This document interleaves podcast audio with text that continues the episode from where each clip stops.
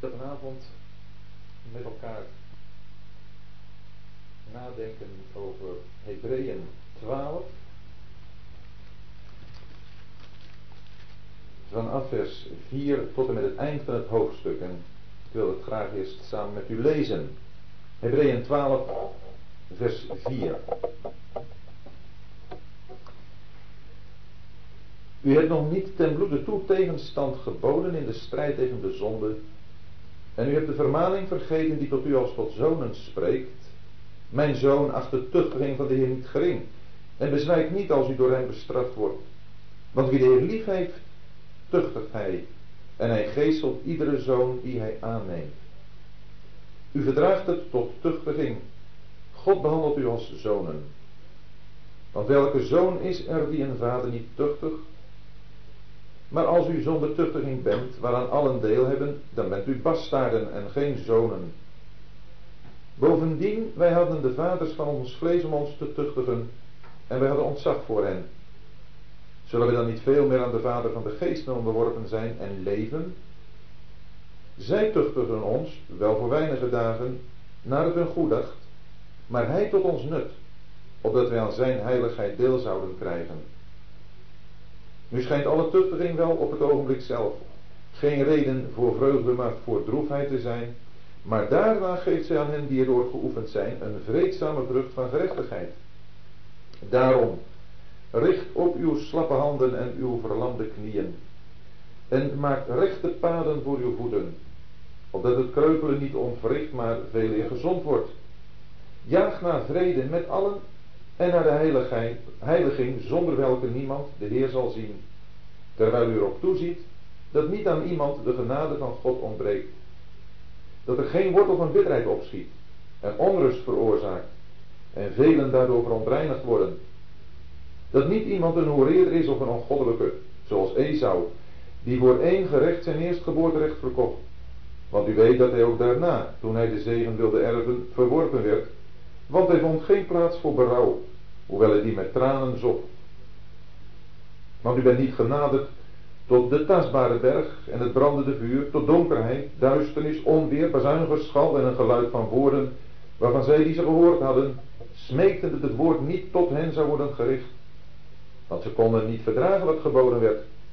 Zelfs als een dier de berg aanraakt, zal het worden gestenigd.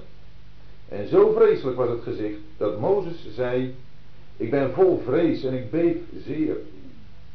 Maar u bent genaderd tot de berg Sion. En tot de stad van de levende God, het hemelse Jeruzalem. En tot tienduizenden van engelen, de algemene vergadering. En tot de gemeente van de eerstgeborenen die in de hemelen staan opgeschreven. En tot God, de rechter van allen. En tot de geesten van de tot volmaaktheid gekomen rechtvaardigen. En tot Jezus, de middelaar van een nieuw verbond en tot het bloed van de besprenkeling dat beter spreekt dan Abel. Kijkt u uit dat u hem die spreekt niet afwijst. Want als zij niet ontkomen zijn die hem afwezen die op aarde goddelijke aanwijzingen gaf, hoeveel te minder wij, als wij ons afwenden van hem die van de hemelen spreekt. Toen deed zijn stem de aarde wankelen, maar nu heeft hij beloofd en gezegd, nog eenmaal zal ik niet alleen de aarde doen beven, maar ook de hemel. Dit nog eenmaal, nu duidt de verandering van de wankelbare als gemaakte dingen aan. Opdat de dingen blijven die niet wankelbaar zijn. Laten wij dus, daar wij een onwankelbaar koninkrijk ontvangen, de genade vasthouden. En laten wij daardoor God dienen op een hen wel behagelijke wijze met eerbied en ontzag. Immers, onze God is een verterend vuur.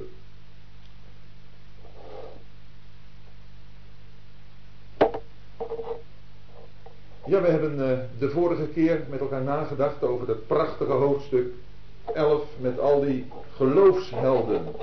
Met mensen die ons voorgegaan zijn in de weg van het geloof. Die geleefd hebben hier op aarde met een uh, vooruitzicht dat wat hen beloofd was, dat ze dat zouden krijgen. En dat heeft hen de kracht gegeven om voort te gaan. Maar ze hebben niet alleen iets in het vooruitzicht gehad, Ze hebben ook omhoog gekeken. Ze hebben ook naar boven gezien. Naar God die hen in de omstandigheden zelf de kracht wilde geven om te leven. En dat, dat geldt ook voor ons. Het is voor ons ook belangrijk dat wij een doel hebben. Dat hoop ik dat dat voor ons ieder duidelijk is. Dat het doel de heerlijkheid van de Heer Jezus is. Dat we daarnaar op reis zijn. Maar dat terwijl we hier op aarde op reis zijn naar dat doel, weten, vanuit de hemel op dit moment is er één die ons helpt en leidt. En degene die dat doet, is degene van wie we in hoofdstuk 12 gezien hebben dat hij de overste leidsman is en de voleinder van het geloof. Dat hij degene is die de woestijnreis er al op heeft zitten. En de apostel die moedigt ons aan om daarop te zien. Aanschouwt hem. Want het is niet eenvoudig om hier op aarde te leven, in geloof te leven, te leven met iets in je hart waarvan je weet het komt nog, maar je hebt het nog niet. Dat geeft best moeilijkheden. Dan zijn er van die dingen, zoals we dat gelezen hebben in die eerste vier versen de vorige keer, in die eerste drie versen, dan zijn er van die dingen die ons zomaar licht kunnen omstrikken, dingen die ons te pakken kunnen nemen, waardoor we gestuit worden in onze loop. Waardoor we niet meer volhardend die weg van het geloof gaan. En dat hoeven niet eens verkeerde dingen te zijn. Maar het kunnen ook verkeerde dingen zijn, zonden die ons kunnen pakken. De zonde die ons licht omstrikt. Maar dat moeten we allemaal afleggen. En dan moeten we kijken naar Hem, die daar is gezeten aan de rechterzijde van de troon van God. Op Hem letten, die zo'n tegenspraak door de zondaars tegen zich heeft gedragen, opdat u niet moe wordt en in uw zielen bezwijkt. Zoals gezegd, de weg die wij te gaan hebben, is een weg die de Heer Jezus al gegaan is. En hij heeft tegenspraak van de zondaars tegen zich verdragen. En als we naar hem kijken, dan is dat opdat wij niet moe worden. En in onze zielen bezwijken. Want wij moeten niet menen dat wij, dat wij het moeilijker hebben dan de Heer Jezus. Paulus zegt hier, u hebt nog niet ten bloede toe tegenstand geboden in de strijd tegen de zonde. Wij hebben nog niet te maken gekregen met een tegenstand, een strijd zo hevig, zoals het met de Heer Jezus was. En zoals het ook was met deze gelovigen van wie we in Hebreeën 11 gelezen hebben. Wie van ons heeft al een keer een druppel bloed verloren voor een getuigenis van de Heer Jezus? Wie van ons heeft omdat we trouw wilden zijn. Geleden, lichamelijk geleden. Die strijd tegen de zonde, die moeten we aangaan. En nu moeten we natuurlijk wel goed begrijpen wat hier bedoeld wordt met de strijd tegen de zonde. Dat is niet de strijd tegen de zonde in ons. Daar roept de Bijbel ons niet toe op. De strijd in de zonde, tegen de zonde is de strijd tegen de zonde buiten ons. Dat blijkt ook wel natuurlijk in verbinding met het voorgaande. Als het gaat om de tegenspraak die de Heer Jezus van de zondaars tegen zich heeft verdragen. Dan heeft de Heer Jezus daar tegenstand tegen geboden. En wij moeten ook tegenstand bieden tegen de zonde die zich op allerlei manieren aan ons opdringt. En daar moeten we niet aan toegeven. Er is in de Bijbel meer sprake van strijden. Vormen van strijd. We kennen de strijd in de brief aan de Efeziërs. Dat we een strijd hebben in de hemelse gewesten. Efeziërs hoofdstuk 6. En daar hebben we een geestelijke strijd te strijden en geeft God ons daarvoor een wapenrusting. We lezen van een strijd in Galaten 5 van de geest tegen het vlees. Dat is ook niet de strijd die wij te strijden hebben, dat is een strijd die de geest strijdt. De Heilige Geest in ons, die wil onze harten richten op de Heer Jezus. En het vlees in ons, dat wil zijn eigen begeerten volgen. Maar dan kunnen we ons overgeven aan de leiding van de Heilige Geest, want de Heilige Geest neemt die strijd als het ware over. En de strijd die wij vinden in de brief aan de Romeinen in hoofdstuk 7, dat is een strijd, daarvan moeten we leren dat we die niet moeten strijden. Daarvan moeten we leren dat de strijd in de tegen de zonde in ons ons alleen maar diep ongelukkig maakt. Hoe heviger je probeert om een bepaalde zonde te bestrijden, des te ongelukkiger word je. En dat is een proces waarin jonge gelovigen, als het goed is, doorheen gaan. Jonge gelovigen, ik bedoel ook jong gelovigen. Kunnen ook best oudere mensen zijn, maar dat is een proces, daar moet je leren, daar moet je in leren dat het vlees, dat het niets goeds tevoorschijn kan brengen. En dat je ook niet in de kracht van je vlees de begeerten daaronder kunt houden. Dat is onmogelijk. En vandaar ook dat de man in Romeinen 7 die daar dat gevecht aangaat, dat gevecht levert, uiteindelijk tot die uitroep komt. Ik ellendig mens, wie zal mij verlossen uit het lichaam van de dood? En dan komt hij tot een verlossing. Niet omdat hij zegt, nou nu heb ik de strijd gewonnen. Maar hij komt tot de verlossing omdat hij zegt, ik dank God door Jezus Christus, onze Heer. En dan gaat hij zien dat er geen veroordeling voor hem is, omdat hij in Christus Jezus is. En dat is een bevrijding van een strijd die gelukkig maakt, die blij maakt, die rust en zekerheid geeft. Maar de strijd in de zonde, tegen de zonde om ons heen, die houdt nooit op. Zolang wij in deze wereld zijn, zullen we ermee te maken hebben. Maar daar wordt door God een aspect aan toegevoegd, wat we in de volgende versen lezen. En dat is het aspect van de tuchtiging. We kunnen in ons leven een heleboel dingen meemaken die we zo heel moeilijk kunnen verklaren. Er kunnen moeite en zorgen in ons leven zijn waarvan we ons afvragen, Heer, waarom laat u dat nu toe? U hebt toch de macht om dat te voorkomen. Of u hebt toch de macht om dat probleem zo weg te nemen. Waarom moet ik daar doorheen? Misschien dat die gelovigen uit de Hebreeën zich het ook hebben afgevraagd. En dan horen we, en u hebt de vermaning vergeten die tot u als tot zonen spreekt. Mijn zoon acht de tuchtiging van de Heer niet gering en bezwijkt niet als ik door hem bestraft word. Want wie de Heer lief heeft, tuchtigt hij. En hij geestelt iedere zoon die hij aanneemt. Hoe komt het dat wij soms zo moedeloos kunnen worden van de problemen en de zorgen waar we onder gebukt gaan? Hoe komt het dat wij God verwijten kunnen maken dat hij bepaalde problemen maar niet oplost? Omdat we iets zijn vergeten. Wij vergeten zo snel dat het Gods bemoeienissen met ons zijn.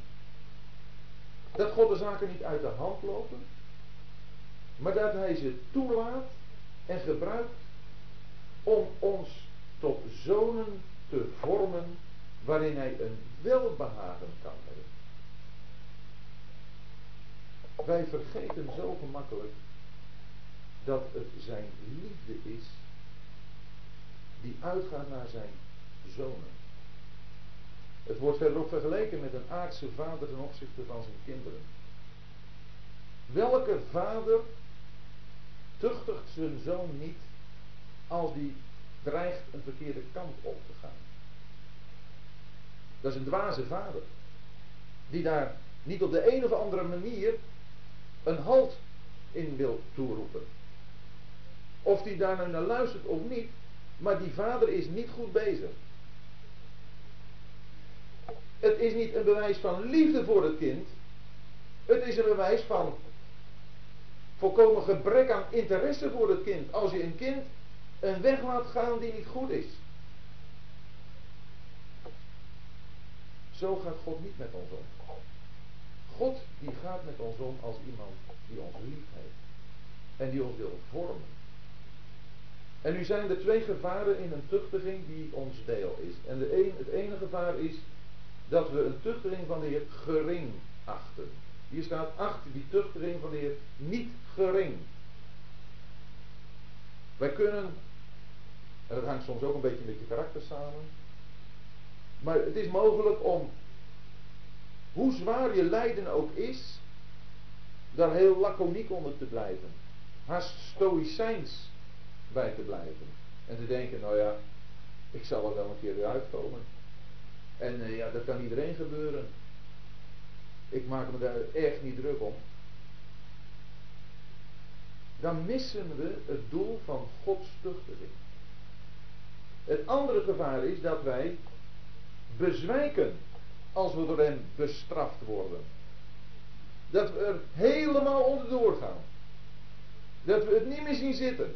En dat we de moed opgeven. Dat we zeggen, nou, het hoeft allemaal niet meer. En deze twee gevaren, die bedreigen ons. Als we getuchtigd worden. En ik denk, gezien wat we hier hebben, dat als we een kind van God zijn, dat we allen, en zo staat het er ook, in vers 8, als u zonder tuchtiging bent waaraan allen deel hebben, dat we allen die de Heer Jezus kennen, deel hebben aan tuchtiging. Dat we daarmee moeten leren omgaan. Dat we daarin geoefend zullen moeten raken, zoals we dat hebben gelezen in vers 11. Getraind in moeten raken. Maar dan betekent het wel dat we moeten weten van een relatie met God als vader. Van een vader die ons lief heeft. Een vader die dingen in ons leven toelaat om ons zo te vormen dat we steeds meer gaan beantwoorden aan het doel dat Hij met ons leven heeft. Dat we steeds meer de dingen zullen loslaten die een verhindering zijn om te genieten van de gemeenschap met Hem. En dat we steeds meer de gemeenschap met Hem zullen opzoeken. Want dat is uiteindelijk Gods bedoeling. Met de dingen die ons leven raken. Die ons leven gebeuren. Dan kijken we niet meer naar die persoon die iets op ons tegen heeft.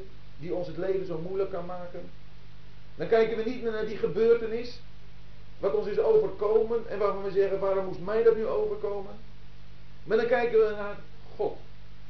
Die deze dingen in ons leven toelaat. Om ons dichter bij zichzelf te brengen.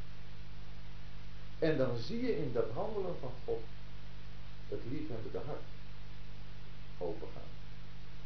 Hij wil dat we steeds meer losraken van de situatie waarin we leven, de omstandigheden, die ons zo in beslag kunnen nemen, om ons helemaal te werpen in zijn liefdevolle vaderarm.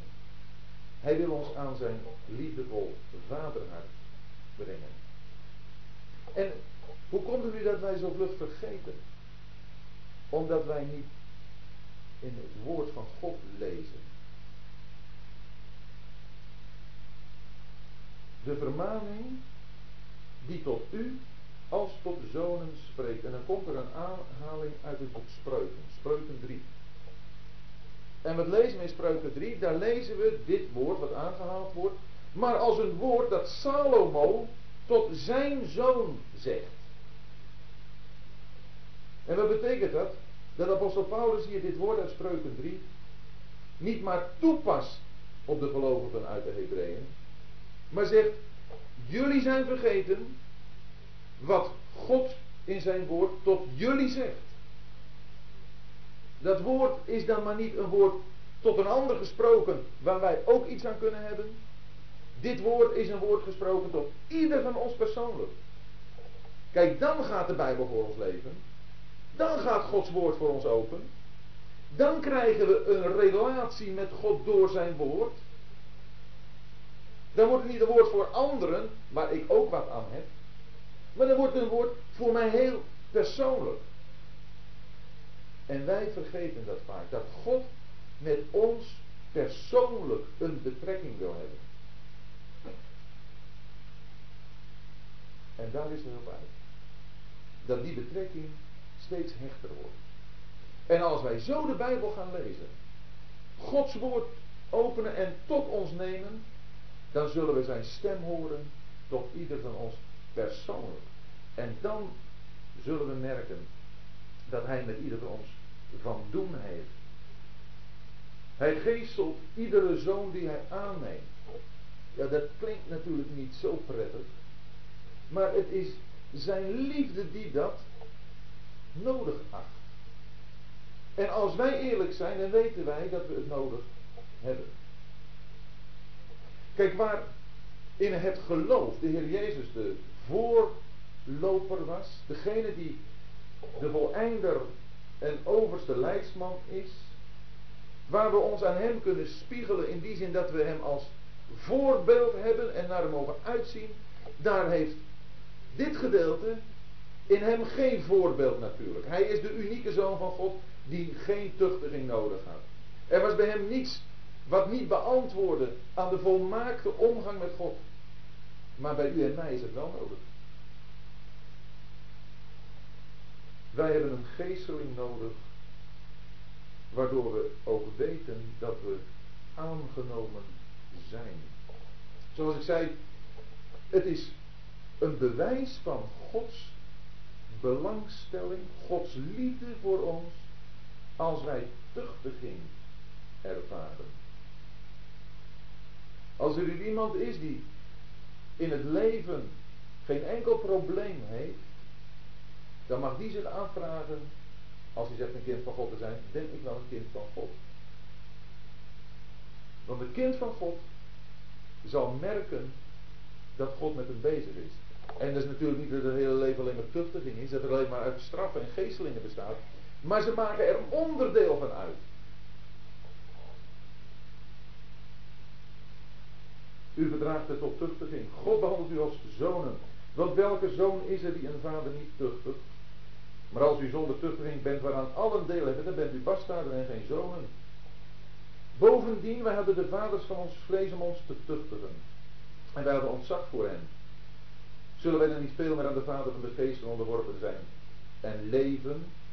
Zij tuchtigen ons voor weinige dagen, naar het hun goed Maar hij tot ons nut, opdat wij aan zijn heiligheid deel zouden krijgen. Hier wordt een vergelijking getrokken met het aardse vaderschap. Dat aardse vaderschap, dat uh, was er om ons te tuchtigen. En dat bewerkte dat we ontzag voor hen hadden. Nu uh, moet je in deze wereld waarin wij leven soms wat dingen extra uitleggen, omdat men nauwelijks meer weet wat een vader is. Maar ik denk dat we in een gezelschap zijn waar we allemaal al weten wat een vader is. Ook hoe falen, hoe feilbaar vaders zijn. Zij hebben dan ook ons getuchtigd naar het hun goed dacht, tot hun nut. Als we kinderen hebben, dan weten kinderen van ons ook dat wij gefaald hebben in bepaalde aspecten. In beoordeling, in uitoefening van tucht. Maar het is wel met het oog op het nut geweest. En het heeft ontzag bewerkt.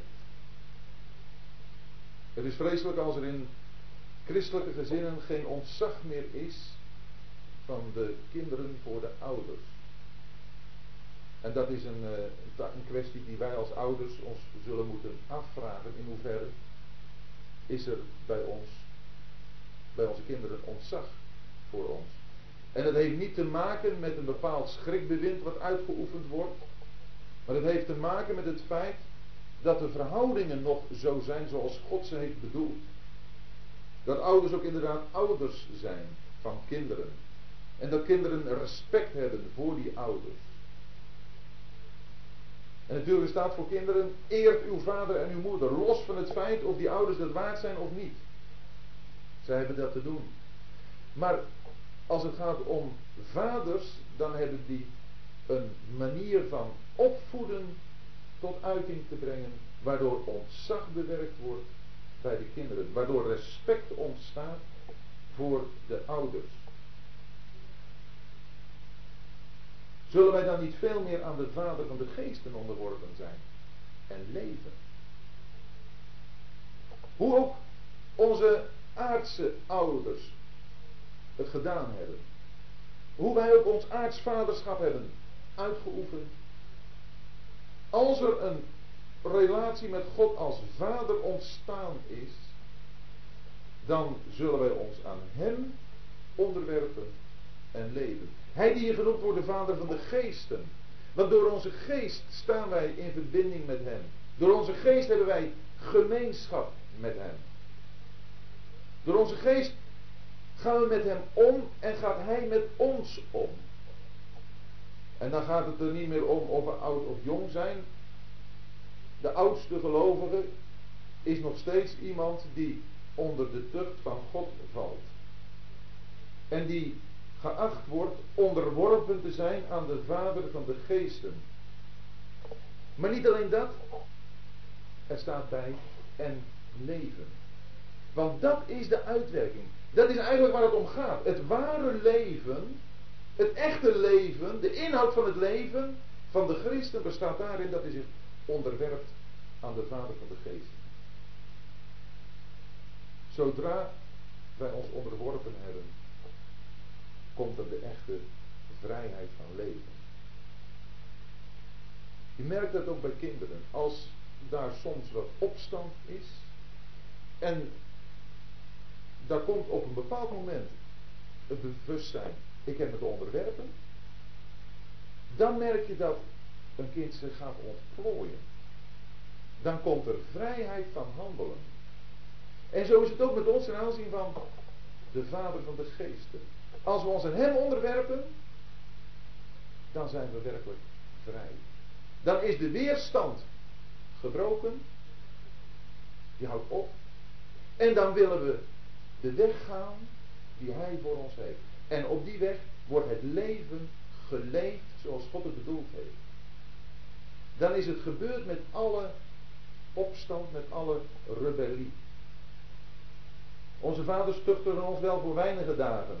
En dat heeft dan te maken met het poosje dat kinderen bij ons in huis zijn en aan onze zorg zijn toevertrouwd. Naarmate kinderen ouder worden, krijgen die verhoudingen een andere inhoud. Maar de tucht voor onze kinderen in hun kind zijn betreft dus inderdaad maar weinige dagen. En dat deden we, en zo werden we zelf ook opgevoed, naar het hun goed dacht. Met alle beperkingen zoals gezegd van dien. Maar hij tot ons nut. Opdat wij aan zijn heiligheid deel zouden krijgen. Hij tot ons nut. Hij weet precies wat goed voor ons is. Hij is een vader die zich niet vergist. We kunnen dat wel eens menen dat hij zich vergist, maar dat doet hij niet. Alles wat in ons leven gebeurt, daar heeft hij zijn doel mee, zijn bedoeling mee. Daarmee wil hij iets bewerken wat nuttig is. We mogen weten wat Romeinen 8 zegt. Dat hun die God lief hebben, alle dingen meewerken ten goede. Dat is geen mooie tekst alleen, dat is een geweldige werkelijkheid. Een bemoediging voor ieder die in nood, in beproeving is, die zelfs misschien inzit over het feit dat hij het helemaal verprutst heeft. Hun die God lief hebben, werken alle dingen mee ten goede. Ook al begrijpen wij niet dat het op die manier moest gaan. En dat doet hij,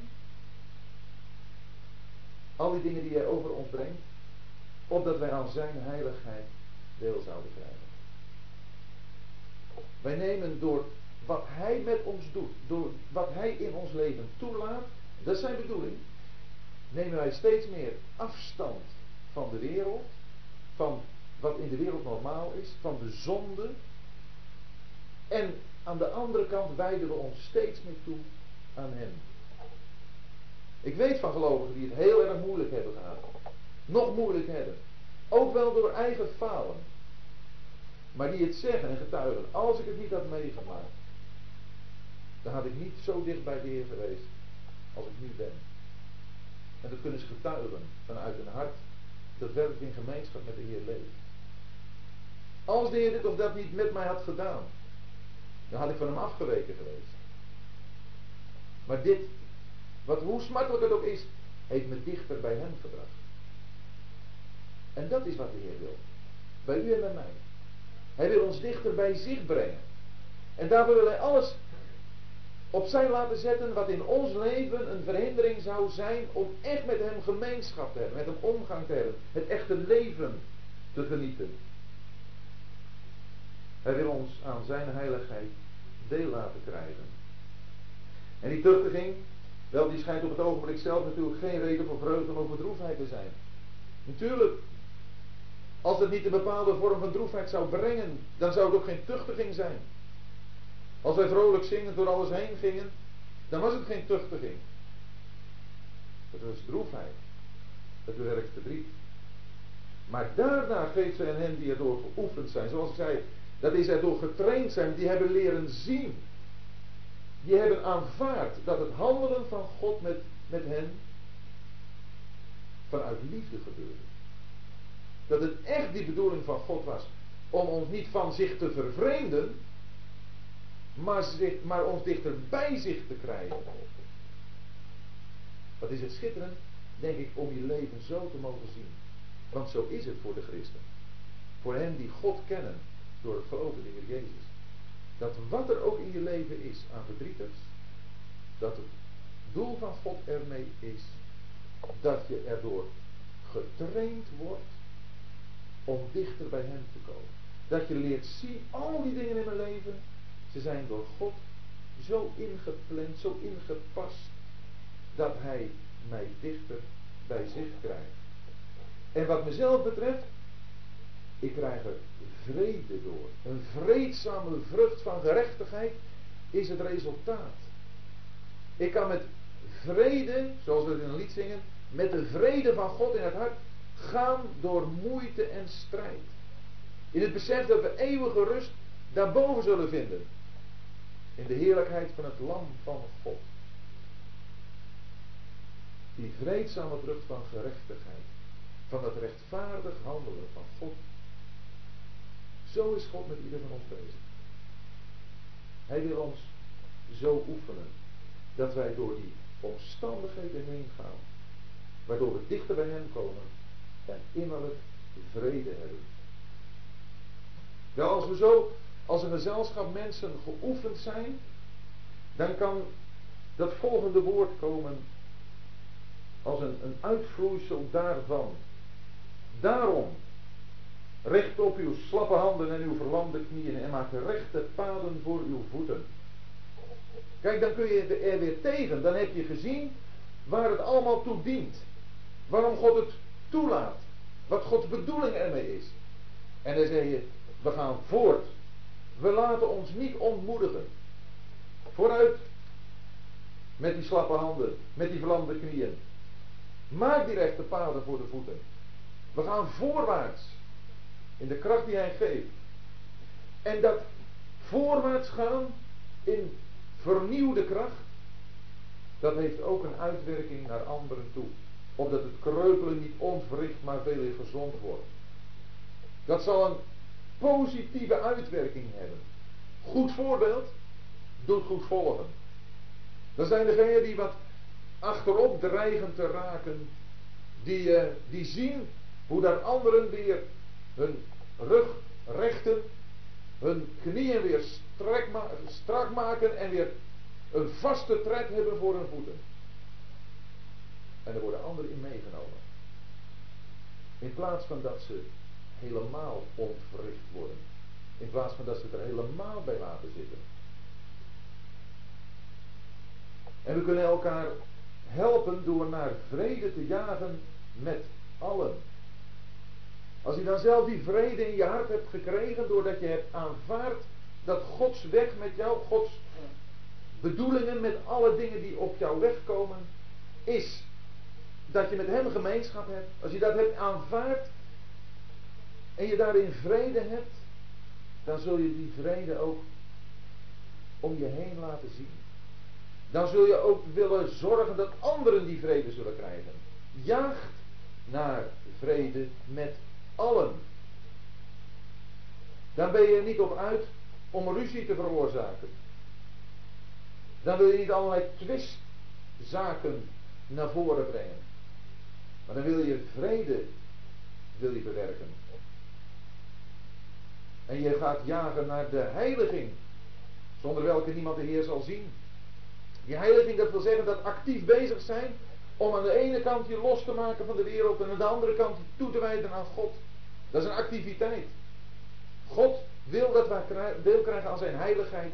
En de heiliging is dan waarnaar wij moeten jagen. Want doe je dat niet, dan zul je de Heer niet zien.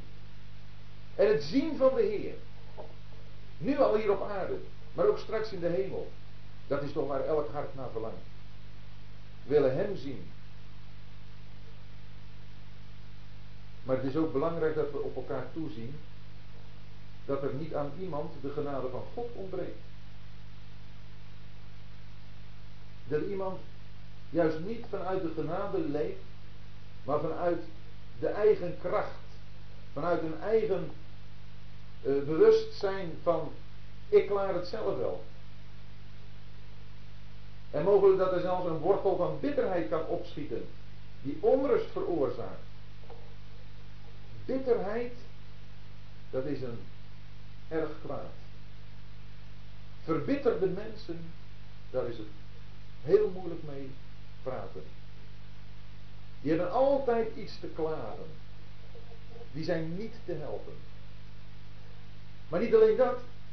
Zij eh, zijn ook mensen die, juist omdat ze klagen, anderen belasten met hun problemen, met hun bitterheid. Daar gaat een negatieve werking van uit. Daardoor wordt onrust veroorzaakt. We kennen het uit de geschiedenis van Israël. Hoe ze verbitterd raakten over Gods handelingen met hen. Als ze geen water hadden, gingen ze murmureren.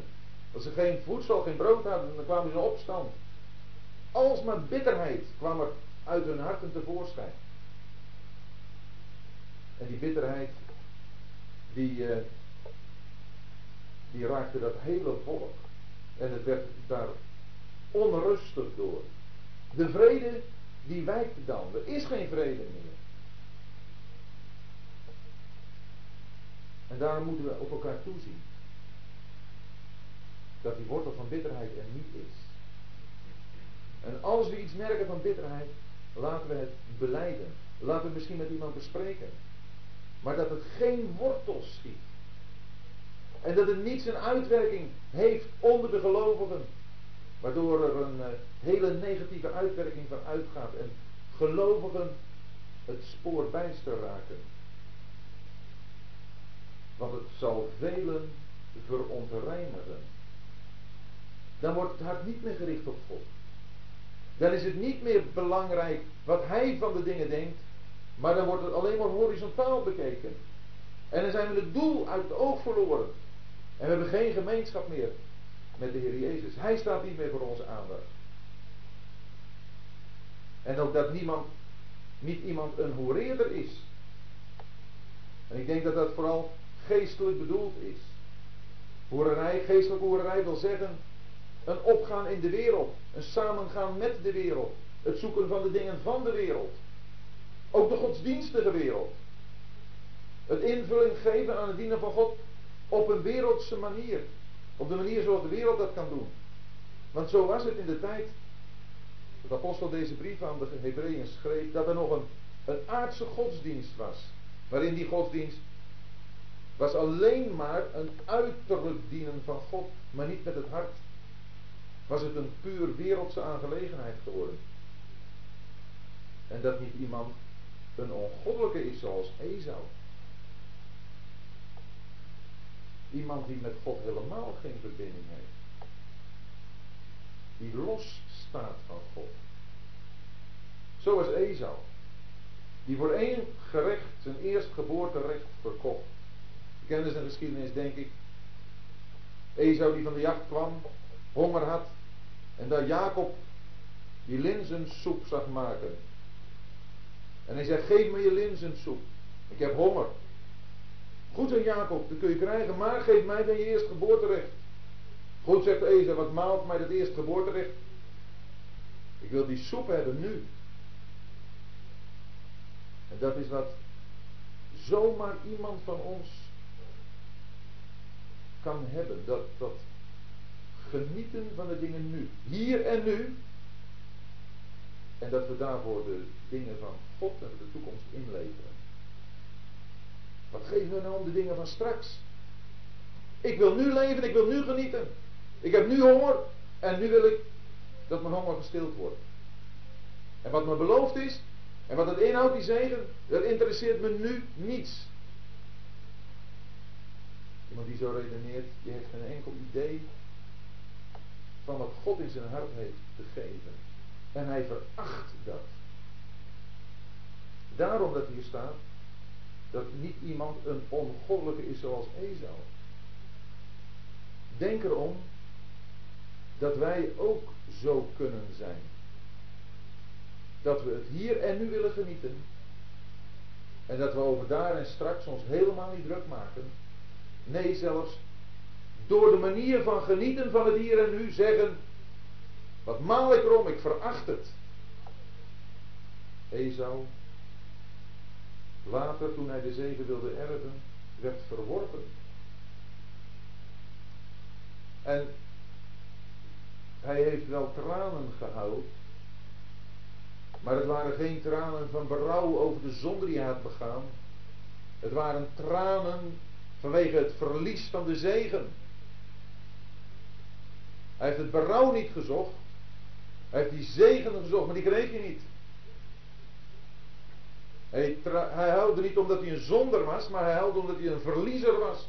Een verliezer van de zegen die hij zelf verkocht had. Hoe gaan wij om met de dingen van God?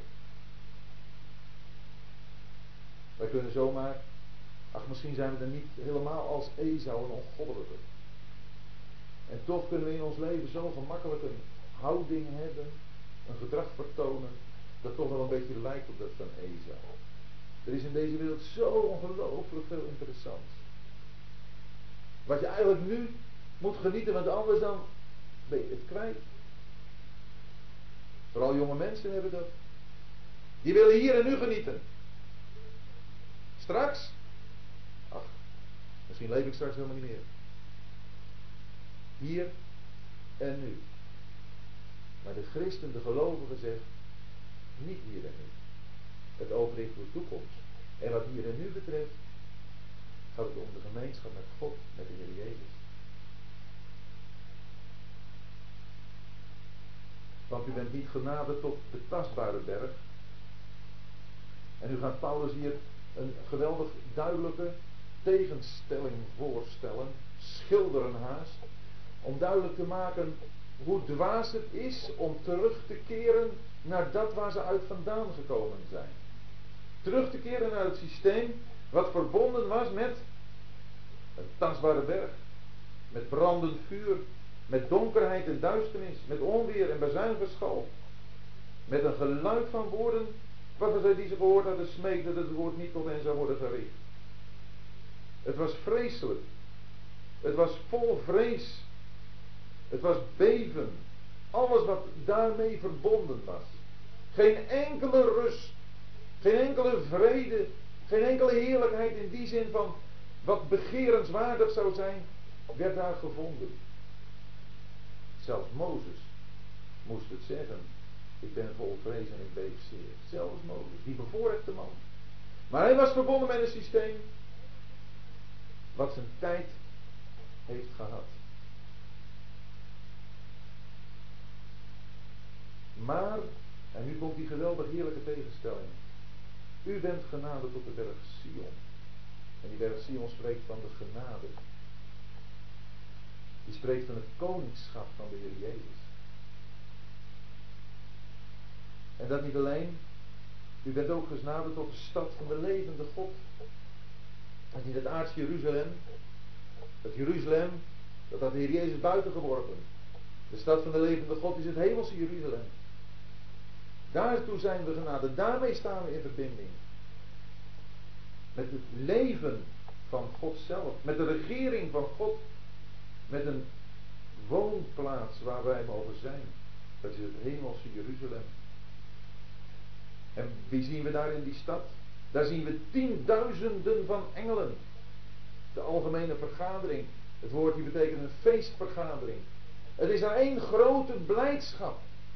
Met die tienduizenden engelen, met die engelen van Gods majesteit. Die zien wij daar.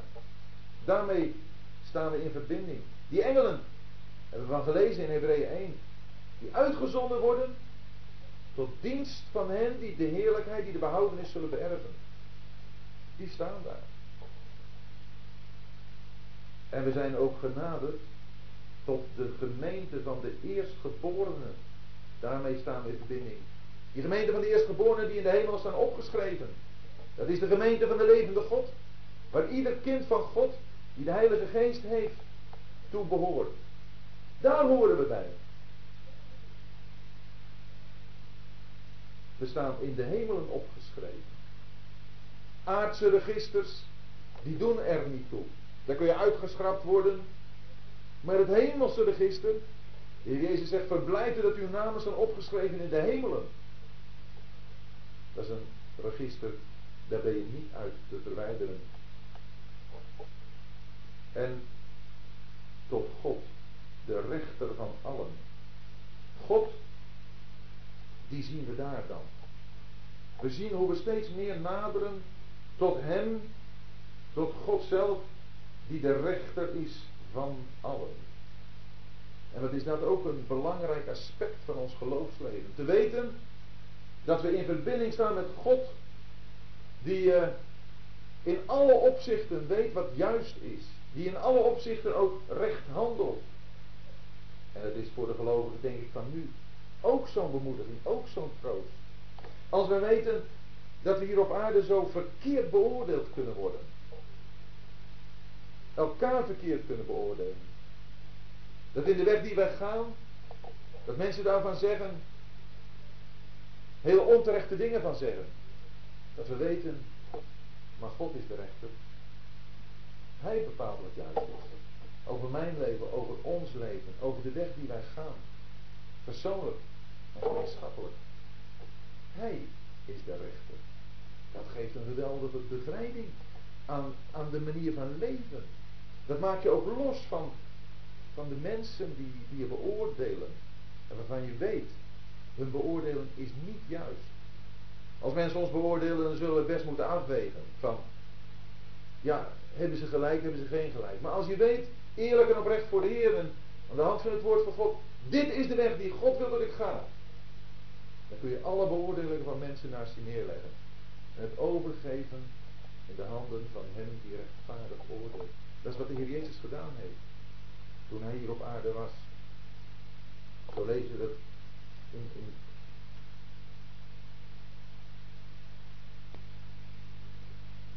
maar zich of het overgaf aan hem die rechtvaardig oordeelt. Niemand die zo verkeerd is begrepen. Niemand die zo onheus is behandeld als de Heer Jezus.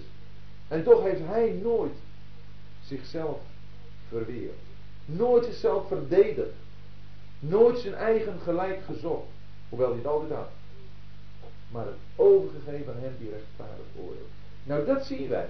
Als we zo via Sion, via de stad van de levende God, het hemels Jeruzalem, via die engelen, via de algemene vergadering daar bij God de rechter van allen komen.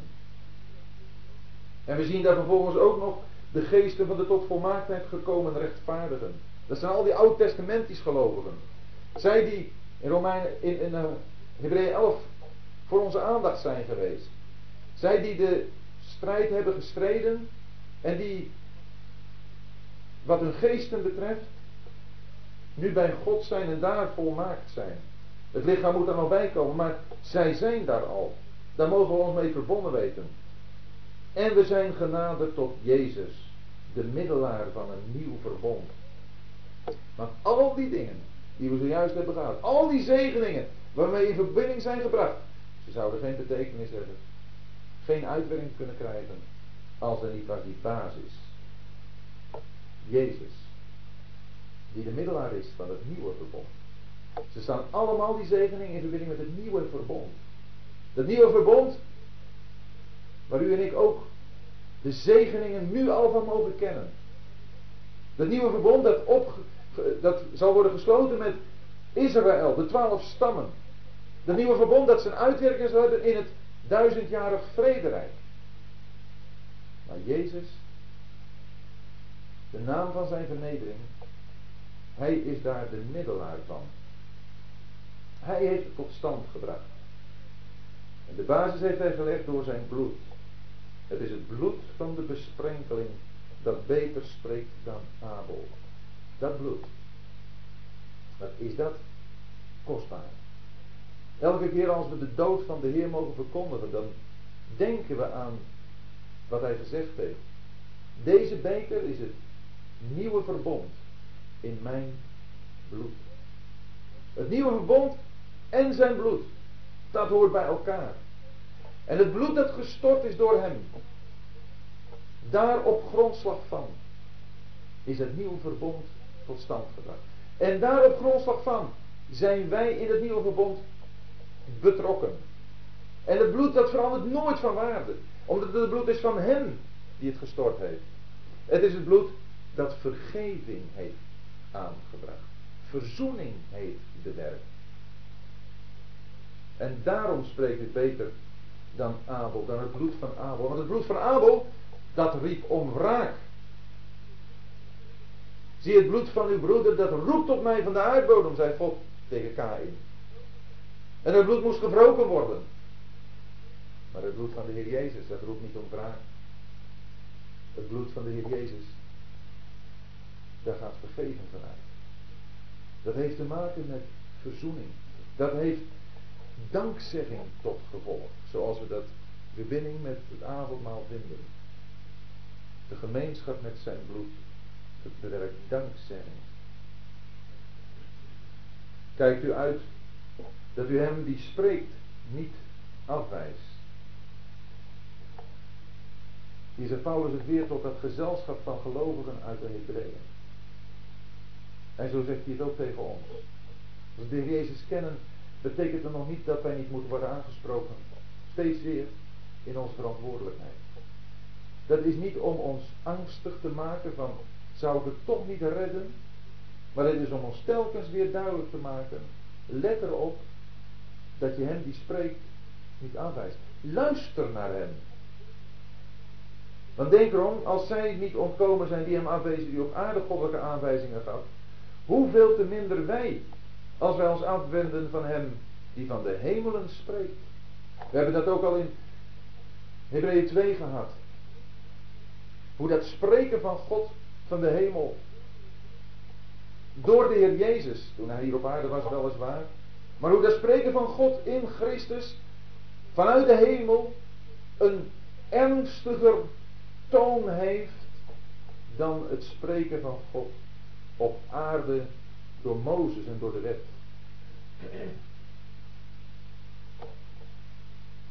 Waar we met de genade verbonden zijn, is het veel erger om God ongehoorzaam te zijn dan wanneer we met de wet verbonden zouden zijn.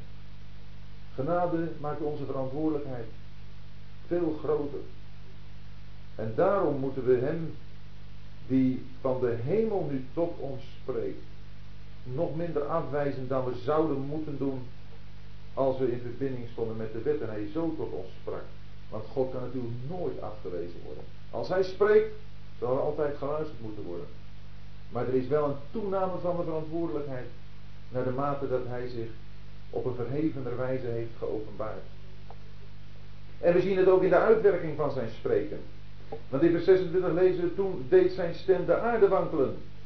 Maar nu heeft hij beloofd en gezegd, nog eenmaal zal ik niet alleen de aarde doen beven, maar ook de hemel. Toen was de aarde zijn terrein, het terrein waarop de uitwerking van zijn spreken merkbaar werd. Maar nu nu de Heer Jezus gekomen is. En nu de Heer Jezus terug is in de hemel.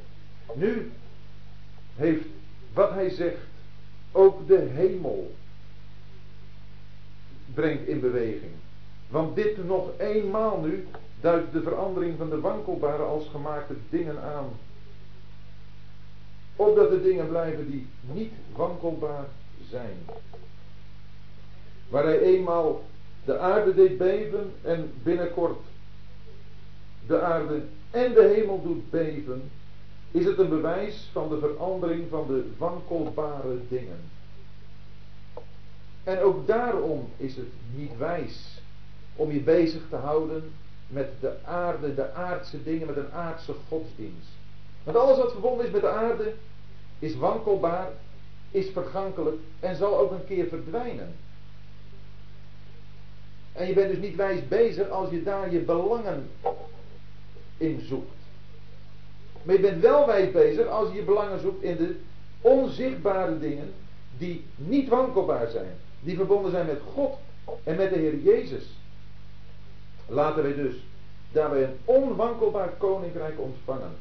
Want daar gaat het om. We zullen een onwankelbaar koninkrijk ontvangen. We lezen in Matthäus 24 hoe de Heer Jezus spreekt over, een, over allerlei dingen die op aarde zullen gebeuren. Maar ook hoe de sterren van de hemel zullen vallen. Dat lezen we ook in het boek Openbaring. Hoe de hemel wordt opgerold als een doek. Hoe hemel en aarde zullen vergaan. Maar dat is allemaal om ruimte te maken voor wat zal blijven. Al die koninkrijken die elkaar opgevolgd hebben hier op aarde, zijn allemaal tijdelijke koninkrijken geweest. Vrede op aarde gebeurt niet door een regering vanuit Washington. Niet door de inzet van troepen. Vrede op aarde, een onwankelbaar koninkrijk, dat zal gevestigd worden wanneer de Heer Jezus komt. Wanneer Hij hier op aarde recht en gerechtigheid zal vestigen. Hij is degene die dan een onwankelbaar koninkrijk zal oprichten. Dat koninkrijk zal duizend jaar duren en dat zal niet in andere handen overgaan. Maar dat zal, zoals 1 Corinthians 15 zegt, dat zal hij dan geven aan God, de Vader. En wat is het toch schitterend te weten dat we met hem verbonden zijn. Die dit onwankelbare koninkrijk zal oprichten. En hier staat, laten wij dus daarbij een onwankelbaar koninkrijk ontstaan. Want ieder die met hem verbonden is, krijgt het samen met hem. Daar mogen we naar uitzien. En als we dat besef hebben, dan weten we dat dat genade is. Want wij hebben het niet verdiend. Hij heeft het verdiend. Maar laten we nou die genade vasthouden. Laten we dan alsjeblieft niet hier op aarde van de wankelbare dingen genieten en straks denken van nou, dan zullen we van die onwankelbare dingen genieten. Nu hier op aarde in verbinding staan met Hem die in de hemel is, met het Sion waartoe we genaderd zijn. Met die hemelse stad, met die gemeente van de eerstgeborenen. Om straks met de Heer Jezus, die dit rijk, dit onwankelbare koninkrijk zal oprichten, dat samen te mogen beleven. Die genade, laten we die vasthouden. En laten we daardoor God dienen. Want dat heeft dan zijn effecten hier op aarde. Laten we daardoor God dienen op een hem welbehagelijke wijze. Met eerbied en ontzag. Er is niet een, een beter, een geschikter motief om God te dienen dan het besef van genade. Dwang, het, moeten, het, het wetmatig, het plichtmatig je onderwerpen aan God is niet het goede motief. Dat hou je nooit vol. Dat breekt een keer af. Maar als we de genade vasthouden, als ons realiseren dat God zich zo met ons heeft bezighouden, zich zo met ons bemoeit, zo zijn, zijn belangstelling in ons stelt, dan, dan willen we niet anders dan Hem daardoor dienen. Wel behagelijk. Op een manier die naar zijn, die, die, die een vreugde voor hem is. Die hij fijn vindt. Zoals hij graag gediend wil worden. Maar ook met eerbied en ontzag. Dat we weten dat hij toch die grote God is die dit allemaal in zijn hand heeft. Die dit allemaal gaat bewerken. En die door zijn zoon Jezus Christus de grondslag daarvoor gelegd heeft. Dat eerbied en ontzag, dat moet ons wel bijblijven. Immers, onze God is een verterend vuur. Die God, die is een verterend vuur voor alles wat in ons is, wat niet van Hem is. Wat gericht is op onszelf. Wat er niet op gericht is Hem te verheerlijken. Maar wat erop gericht is onszelf te dienen. Die God, met wie we te maken hebben, is ook voor ons. Een verterend vuur. Hij is zeker een vader die ons lief heeft, maar ook een God die een verterend vuur is. Maar het is ook weer niet om ons in vrees en beven te dompelen, maar ook weer opdat we met eerbied en ontzag Hem zullen dienen. Op een manier die bij Hem past. Ik hoop dat dat een uitwerking is van, van de overdenking van deze avond. Zowel bij mezelf als ook bij u. Dat we totdat het onwankelbare koninkrijk door ons wordt ontvangen. Dat we tot dat moment God zullen dienen. Terwijl we de genade vasthouden. Op een hem welbehagelijke wijze. Met eerbied en ontzag.